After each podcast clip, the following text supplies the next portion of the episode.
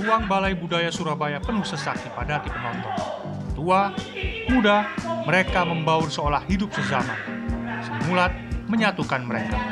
Lama tak terdengar dan tak lagi menjadi bintang televisi, grup lawak Sri Mulat tetap eksis menghibur pecintanya di Surabaya. Mereka membuktikan Sri Mulat tetaplah Sri Mulat meski tanpa sosok Tesi, Asmuni, Tarzan, Gogon, Nunung sampai Putri. Mereka terus meregenerasi pemain menyesuaikan zaman dan selera penontonnya. Namun, ada pakem Sri Mulat yang tak lekang ditinggal zaman.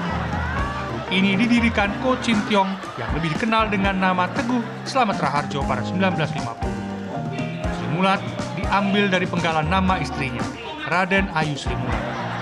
Sejak saat itu, hingga awal 2000-an, grup ini malang melintang di dunia hiburan tanah air keberhasilan Sri Mulat itu ada dua kuncinya. Satu pembantu, dua horor. Nah itu yang harus dipertahankan. Makanya sempat kalau nggak ada pembantu, nggak ada horor, jari jari wong Surabaya, kok gak koyo Sri Mulat yo, gak ada pembantu kan. Ya itu. Nyaris tanpa naskah. Nyaris tanpa naskah. Nyaris tanpa naskah. Keberadaan pemain yang berperan sebagai pembantu dan hantu memang menjadi daya tarik cerita. Ditambah banyolan dan dialog spontan tanpa tersandra naskah cerita yang kaku, membuat penonton larut dalam nostalgia. Modernisasi Sri Mulat tak membuatnya ditinggal penggemar lawas, sekaligus mampu merangkul penggemar muda. Memang di luar dugaan sambutan penonton luar biasa, luar biasa, luar biasa. Dan guyonannya itu walaupun guyonan jadul, konsep guyonan jadul, tapi masih up to date lah kita masih terpinggal-pinggal itu. Inget-inget waktu zaman SD SMP luar biasa. Anak-anak saya pun masih bisa ngikutin.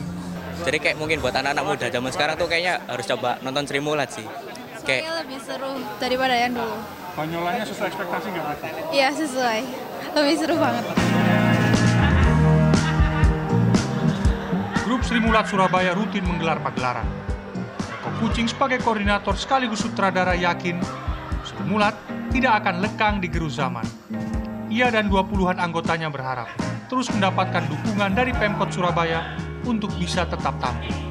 Terutama di rumah awal mereka, Gedung Taman Hiburan Rakyat atau THR yang kini terbengkalai. Tafarid, Miki Peresia, Surabaya, Jawa Timur.